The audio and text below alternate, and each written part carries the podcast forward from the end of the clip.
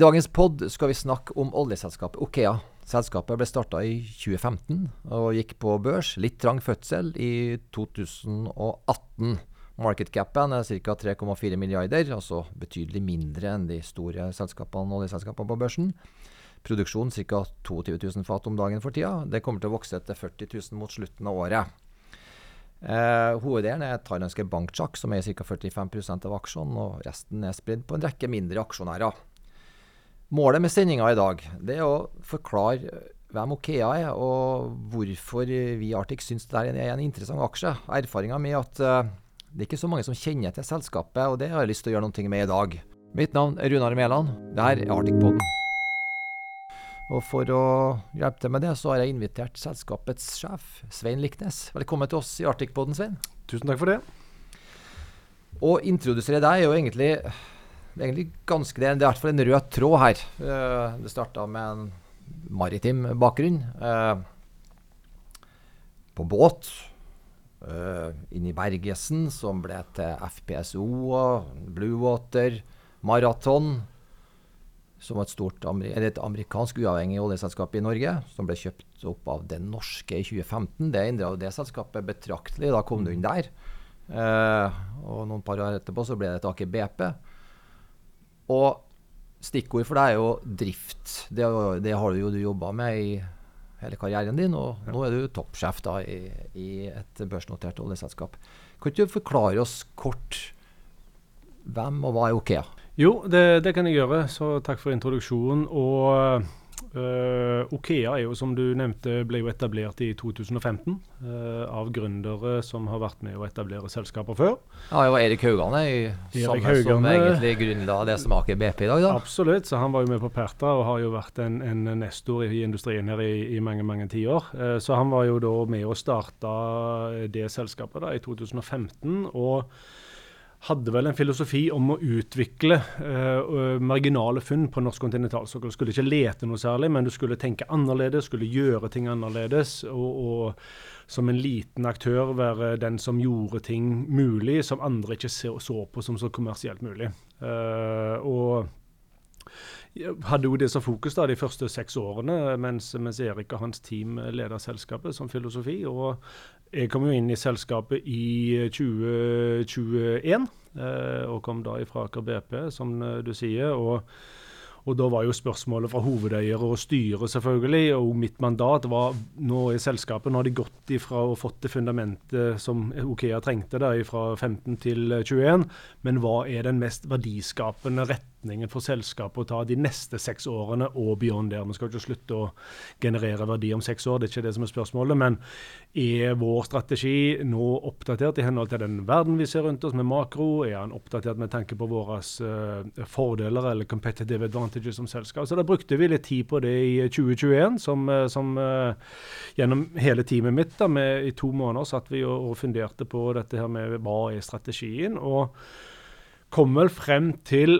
at uh, skal vi ikke vurdere å gjøre mer av det vi allerede mener at vi gjør veldig bra, som da er å drifte mid to late life assets. Og da går vi tilbake igjen til 2018. Da tok jo Okea over driftsansvaret for Draugen fra Shell eh, Norge. Og det var en ekstremt viktig milepæl for selskapet Okea. Et stort løft. Eh, lille Okea skal overta det fyrtårnet som Draugen både var og er, og, og, og ifra Shell, da, som er den aktøren som de er. og Hvordan skal dette gå? Men det syns jeg Okea håndterte veldig bra. De selvfølgelig hadde en del læring på reisen, men det å vise at du klarer å jobbe annerledes og klarer å drifte det, sånn som Draugen, da, med det teamet som er der, på en så god måte som Okea faktisk klarte å gjøre til å begynne med. det det mente jeg jo når jeg kom inn der, at hvorfor skal vi ikke gjøre mer av det? På grunn av Vi trodde jo og mente i vår strategi at uh, markedet kommer til å ta seg opp når det gjelder olje og gass. Uh, det gjorde det jo etter pandemien uh, slapp taket. og I tillegg så har det blitt ytterligere forsterka av,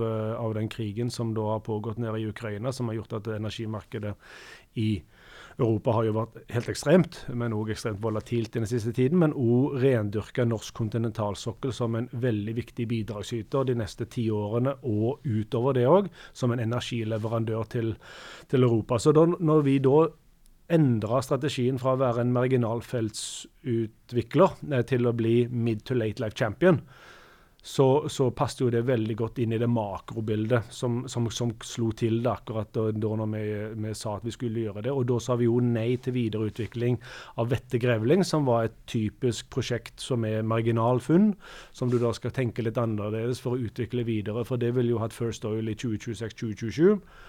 Fokuser heller i de innsatsfaktorene som vi sitter på, både humankapital, men kapital, inn i tidlig produksjon og innenfor det segmentet som vi allerede er flinke på. og Det klaffer jo veldig bra. Og Makrobildet rundt oss det styrer jo selvfølgelig ikke vi, men det å ha en strategi som er tilpassa makroen, det er jo noe vi velger. Og det gjorde vi på det tidspunktet. Og det har jo snytt Okea da fra å være det vi var, som var ganske krevende tid i pandemien for, for Okea, med, med, marginal likviditet og den type ting, til å få en helt annen posisjon, både operasjonelt og finansielt, til faktisk å leve ut denne strategien som vi da la, som jeg mener vi har vist to gode eksempler på det siste året.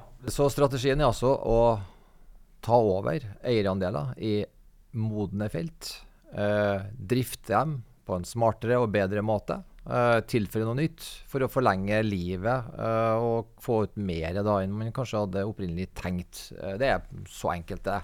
Men da lurer jeg på Ta Statfjord, f.eks., som dere har kjøpt en andel av 28 av ca. Det ble funnet i 1974. Operert av Mobil i mange år, før Equinor tok over på slutten av 80-tallet.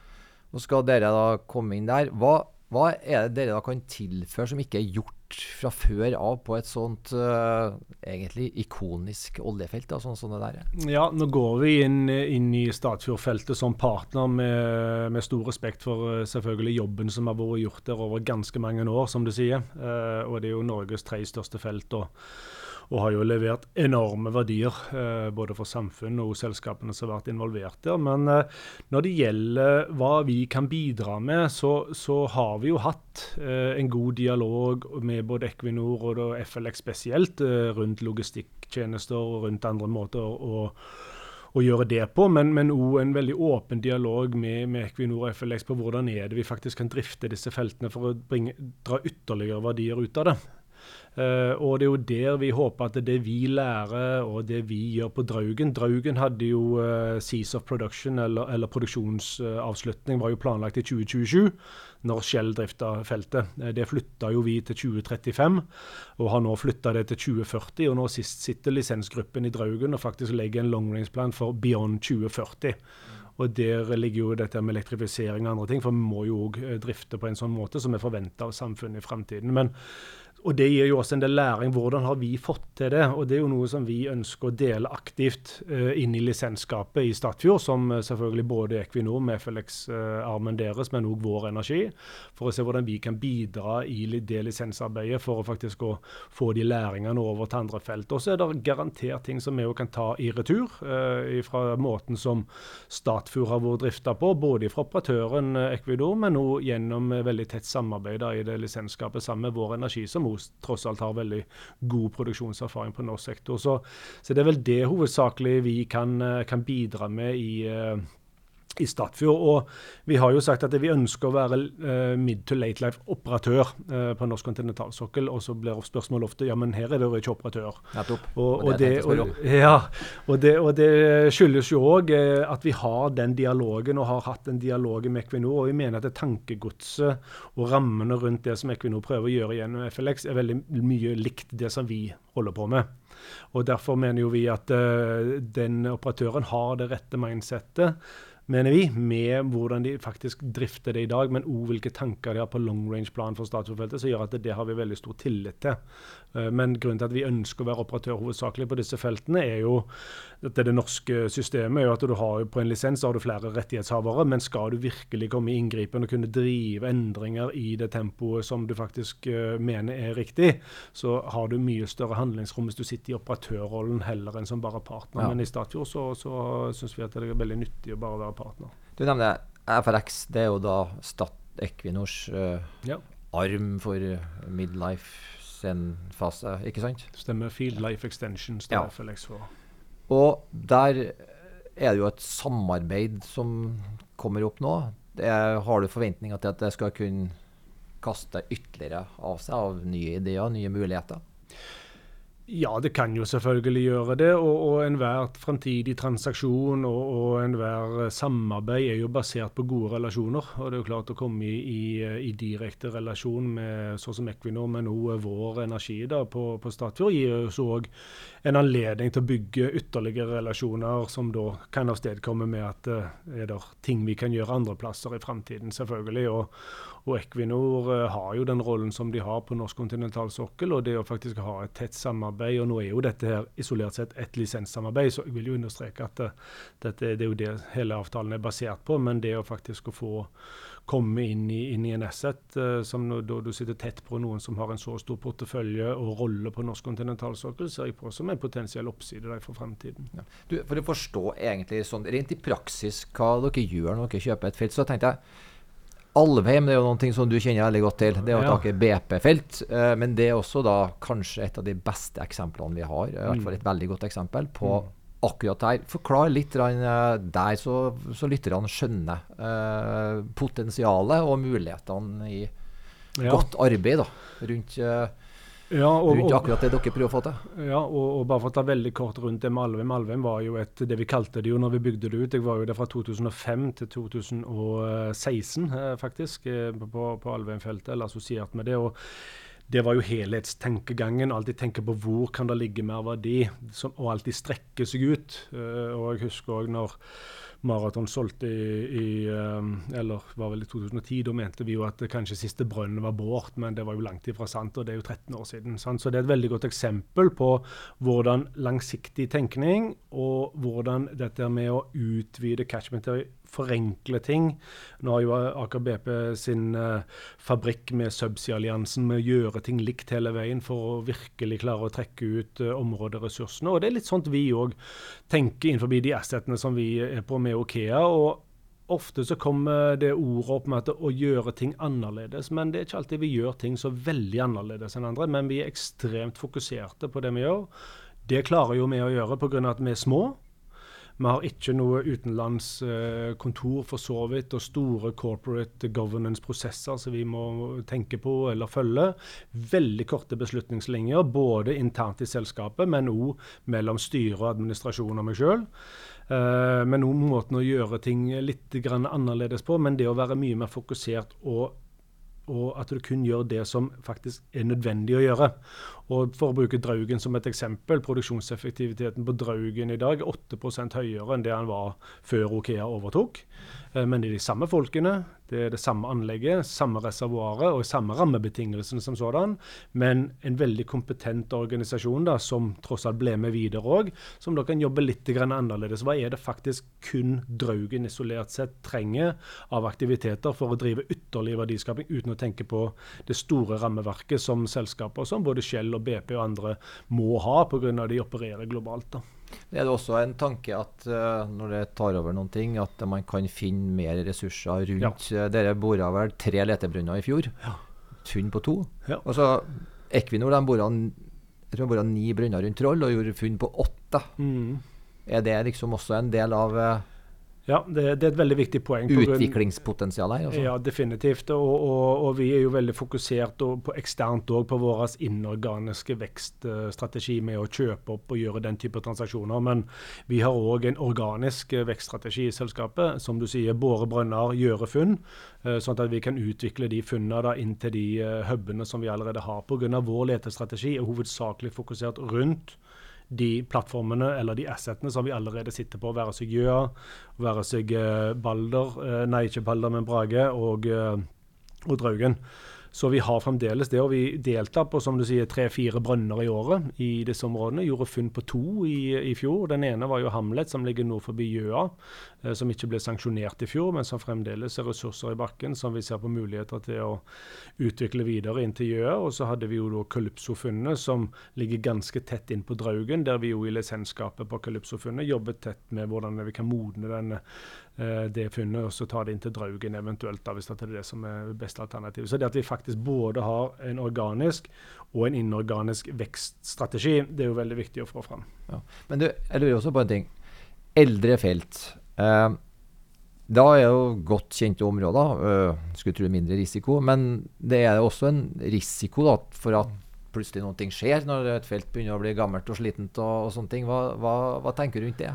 Jo, absolutt. Og, og, det er jo risikoer assosiert med dette. Og uansett hvilken fase du driver på med det som vi holder på med, så har det jo sine egne risikoer. Har du en feltutbygging med Greenfield-prosjekt og et stor plattform eller FPSO som skal bygges i Asia, så har jo historien vist at det har jo sine risikoer, både med forsinkelser og kostnader. Tar du en installasjon inn for å pusse den opp eller den type ting, så viser jo at det jo har ofte store implikasjoner og den type ting. Og så har du da de risikoene som er assosiert med, med det som vi holder på med. Men vi har jo en organisasjon nå som er vant med å drifte sånn som Draugen er jo 30 år gammelt. Vi har en god og kompetent organisasjon som drifter Brage, som opprinnelig var Hydro. Så ble det eh, Equinor og Statoil, og så det, var det Wintersal. og så er det noe kommet til. Men folkene er jo de samme. Ja. Så de risikoene som vi må håndtere innenfor de assetene, det har vi en ekstremt kompetent organisasjon som håndterer. og Derfor er òg folkene i de transaksjonene vi gjør, veldig viktige med at vi får de med oss for at OKEA skal være en god plass å jobbe en veldig fokusert plass å jobbe med de som faktisk liker å holde på med det som vi holder på med. Også når vi ser på denne type transaksjoner og ser på muligheter, så er det jo klart at uh, i vår due diligence-prosess så er det jo klart at vi legger ekstra vekt på hva er nedsiderisikoen, hva er integritetsrisikoen, hva er undergrunnsrisikoen, hva er risikoen for å ikke klare å realisere de ressursene som vi identifiserer som oppside i casen osv. osv. Men det er vi satt opp for å, for å håndtere. Da. Så jeg mener at uh, risikostyring er jo noe som er ryggraden i denne industrien, både på HMS, men også på, på business risk. Uh, og det har bare forskjellige fasetter, avhengig av hvilken fase du er i som felt. Og jeg mener at vi har god kontroll på det som vi holder på med. Ja, for uh, det er jo uh, en kjensgjerning at strategien er jo å vokse gjennom oppkjøp. og hvilke vekstmuligheter er du ser på, på sokkelen? Hvor mange fat det er som potensielt faller under den kategorien mid to late life, og som kan være av interesse for dere? Veldig mye av interesse for oss. Og, bare for å åpne opp dette mid to late life uh, Og mid to late life har for så vidt ikke en uh, aldersbenevnelse på seg. Det er ikke når et felt blir så og så gammelt.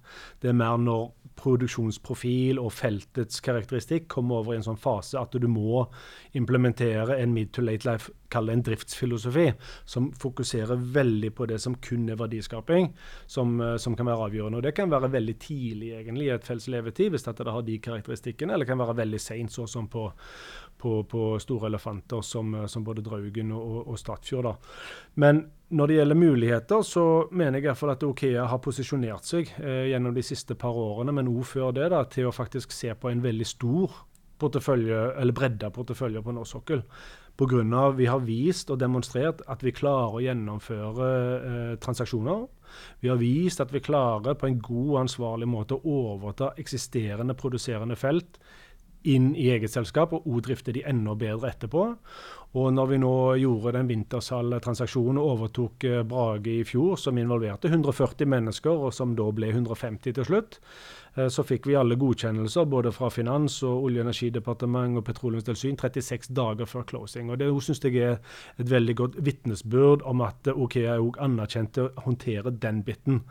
Så det at vi klarer å se på en veldig bred portefølje basert på at vi har en god operasjonell posisjon, veldig god finansiell posisjon og har en track record nå på at dette kan vi, mener jeg, posisjonere oss veldig godt. Og så er det som alltid der ute i det markedet at uh, ja, øh, det er alltid prosesser som pågår, og noen er selvfølgelig øh, åpne, og noen er lukka, for å si det sånt. Men det at vi jobber veldig aktivt med videre vekst på norsk kontinentalsokkel, det, det er selvfølgelig en del av strategien vår.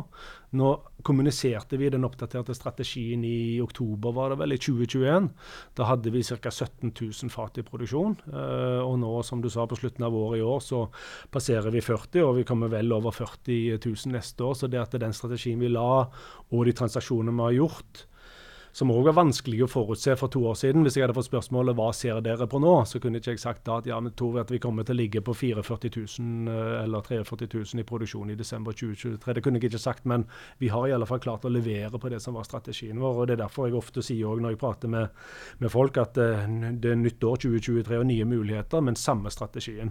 Vi ønsker å gjøre mer av det vi allerede har gjort, og begynner nå å få en såpass stor størrelse på norsk kontinentalsokkel med da over 40 000 fat i produksjon for neste år, som da begynner å gjøre at selskapet faktisk blir en aktør som, uh, som er å, å, å, telle med, og som òg har en veldig tydelig ambisjon på å gjøre mer av det vi allerede har gjort. Merker du noen forskjell? Er det flere som ringer til dere nå enn en, en før, og gjerne vil diskutere muligheter? Eller ja. må dere, dere, fortsatt drive og ringe rundt selv og lure på om dere kan få kjøpt noe? Ja, nei, vi, vi, vi ringer rundt sjøl òg, men vi merker jo det at vi har jo fått en annen standing og litt annen traction. Og det er jo selvfølgelig basert på at du har gjort ting og du får en erfaring. Én ting å stå og prate om hva du kan gjøre og kunne ha gjort, men en annen ting å faktisk kunne legge på bordet en track story av at det faktisk dette har du klart å gjennomføre. Så så min opplevelse og, og tilbakemeldinger både fra, fra våre uh, andre rettighetshavere på norsk kontinentalsokkel og myndigheter og, og, finansielle institusjoner, er jo at uh,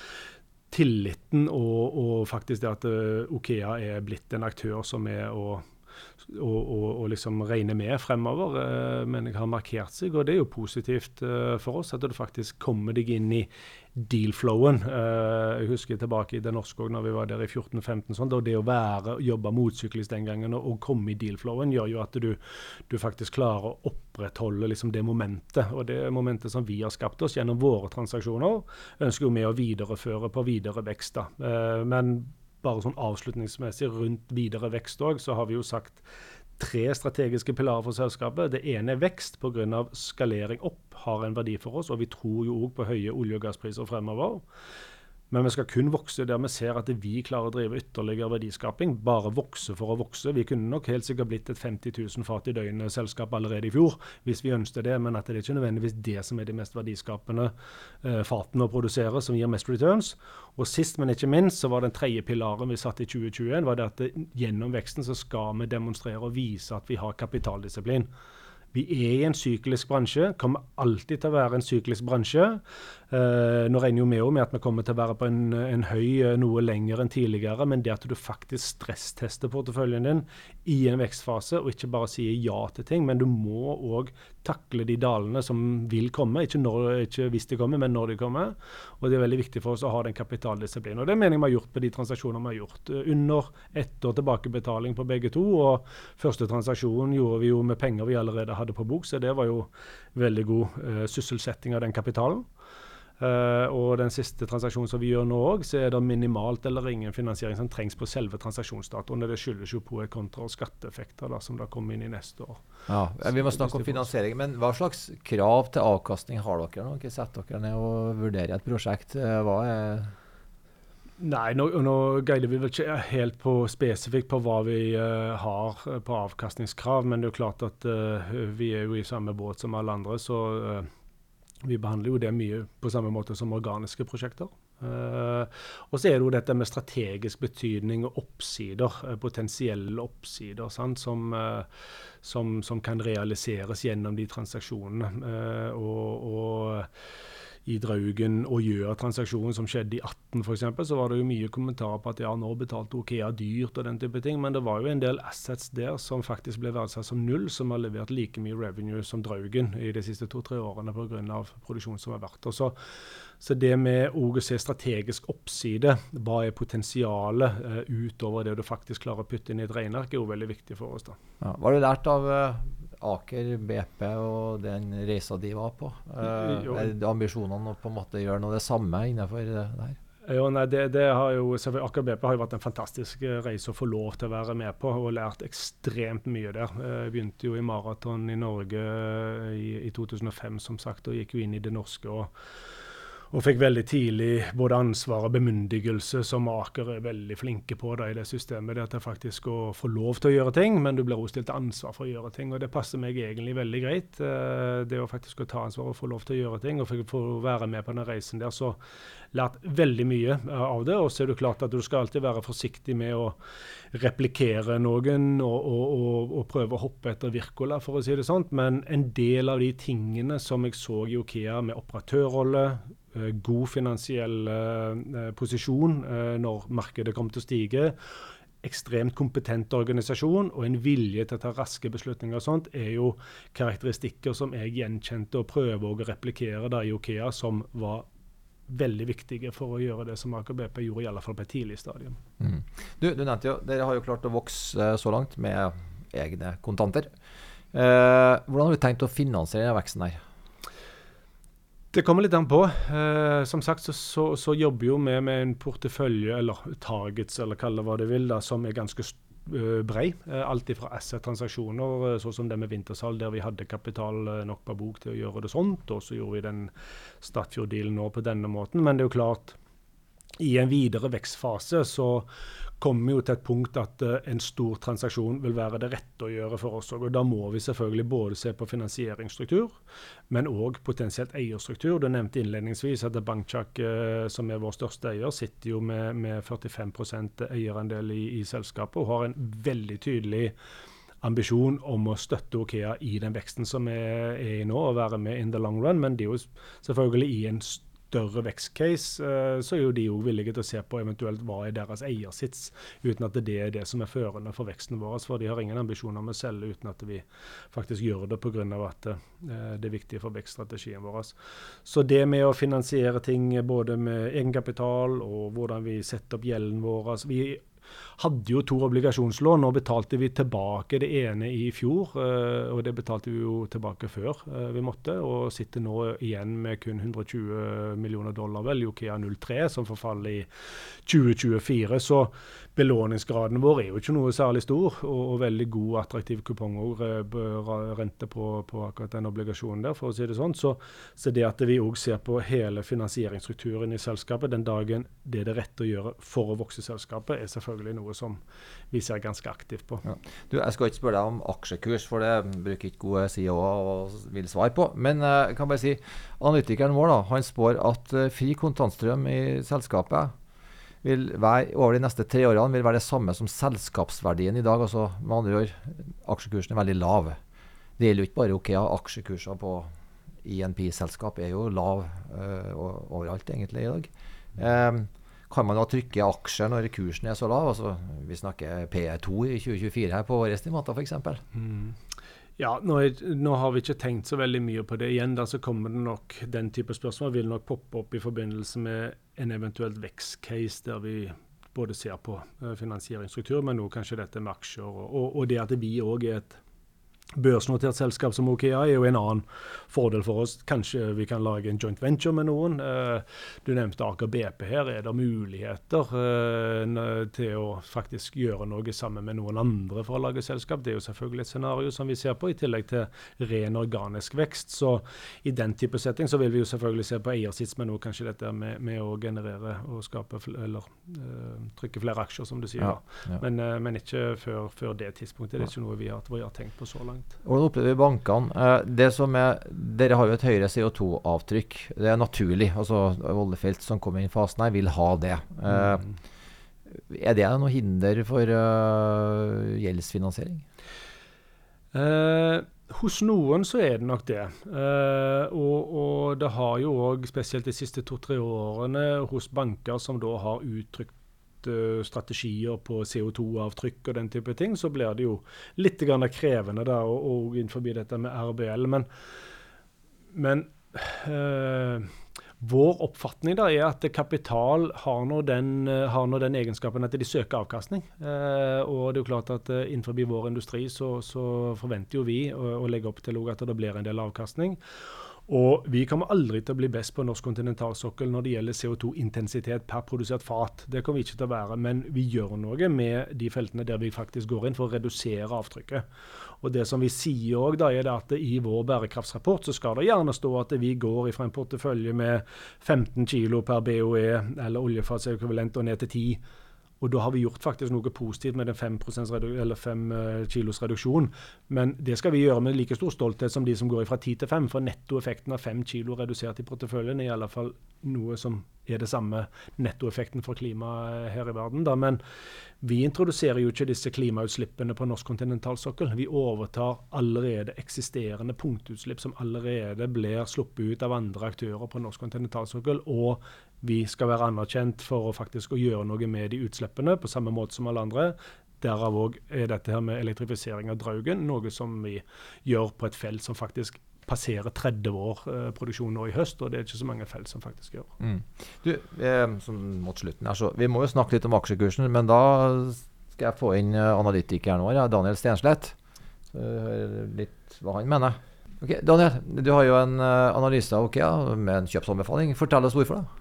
Ja, det skal jeg gjøre. Uh, første spørsmålet jeg ofte blir stilt av investorer, er uh, Uh, hva som blir verdien til selskapet hvis du kun vektlegger dagens produserende felt. Og man begrenser seg til de relativt sikre reservekategoriene og legger til grunn en langsiktig oljepris på 80 dollar fatet og gasspris i paritet med olje, så mener vi selskapet er verdt ca. 50 kroner per aksje. Og Utover dette så er det minst tre måter som Svein og teamet hans kan skape ytterligere verdier på. Det første er gjennom å øke utvinningsgraden, få mer olje ut av eksisterende felt. Det andre er gjennom å finne mer olje, fortrinnsvis, fortrinnsvis i områder i nærheten av eksisterende produksjon. Eh, lavest kommersialitetsterskel eh, på, de, eh, på, de, funnene. Og det tredje er gjennom oppkjøp, hvor selskapet siste tolv måneder har vært spesielt dyktige og gjort to eh, oppkjøp som til sammen har økt verdien av selskapet med mer enn 30% på våre tall. Uh, med andre ord så er det slik at de 50 kronene jeg nettopp refererte til, på ingen måte representerer noen form for tak for aksjen. Ja, men uh, det er høy kontantstrøm her. Uh, hva tenker du om utbytte? Ja, jeg tror det er hensiktsmessig å tenke på utbytte på to måter. Selskapet betaler i dag 4 kroner per aksje i årlig utbytte, som tilsvarer en yield på 12 I et scenario hvor oppkjøpsalternativene ikke vurderes som gode nok, så kan selskapet på sikt øke utbyttet til et nivå som reflekterer kontantstrømmen. Og da snakker vi minst en dobling, kanskje nærmere en tripling av dette nivået fremover. Så det vil tilsvare en yield på pluss-minus 30% Det andre scenarioet er jo videre vekst gjennom oppkjøp, eh, hvor dagens utbytte på 12% opprettholdes som et basenivå. Så da kan man jo i så fall snakke om 12% yield i et vekstcase, som er noe man som investor ikke så ofte eh, kommer over. Svein, hva er uttalt utbyttepolitikk? Uttalt uh, utbyttepolitikk hos oss er at vi skal ha en forutsigbar plan når det gjelder uh, dette med utbyttepolitikk. og Vi starta jo å betale utbytter i fjor, og det var jo litt linka til en del covenants i OKEA02 som, uh, som, lå til grunn den gangen. Og Vi har fremdeles noen begrensninger i OKEA03 som ligger der i dag, men som Daniel påpekte, at det, Per nå så er det da en krone i kvartalet som vi har lagt til grunn i den forutsigbarheten. Og så er det jo alltid det innenfor det kapitalallokering for et selskap som er i vekst. Hvor skal du putte kapitalen? Jeg mener jo at vi har putta kapitalen I fjor så betalte vi tilbake Okea02. Vi begynte å betale utbytter i fjor. Vi gjorde transaksjoner i fjor med cash som vi hadde på bok. Og det syns jeg var en veldig bra uh, sysselsetting av den kapitalen som vi hadde. Og så er det jo klart det at uh, vi ønsker å vokse videre. Og, og, det som jeg i alle fall kan si innenfor dette med å hvor er det vi ønsker å putte kapitalen vår, at det med dividende- eller utbyttekapasitet er en av kriteriene som òg er viktige for oss når vi ser på videre vekst for ytterligere verdiskaping. For vi ønsker å skape et robust selskap som ikke bare kan betale utbytte i et år eller halvannet år, men vi ønsker å skape et selskap som er stort nok og robust nok til faktisk å kunne gjøre det òg på lang sikt. Så, så, Derfor har vi holdt uh, nivået på en ambisjon med en krone i kvartalet som vi har uh, så langt, og jobber veldig aktivt med styret. Og så er det klart at uh, hvor skal kapitalen gå? Og, og, jeg mener at vi har hatt en veldig god fordeling nå, både med tanke på verdiskapende vekst og starta direkte avkastning til investorene våre gjennom den utbyttepolitikken som vi har. Du, jeg tror vi lar det der være siste ord i denne sendinga. Eh, tusen takk til deg, Daniel, og tusen takk til deg, Svein, for at du kom innom. Vi skal følge med med stor spenning. Eh, og Arctic-poden, vi kommer tilbake snart. Veldig hyggelig for å komme.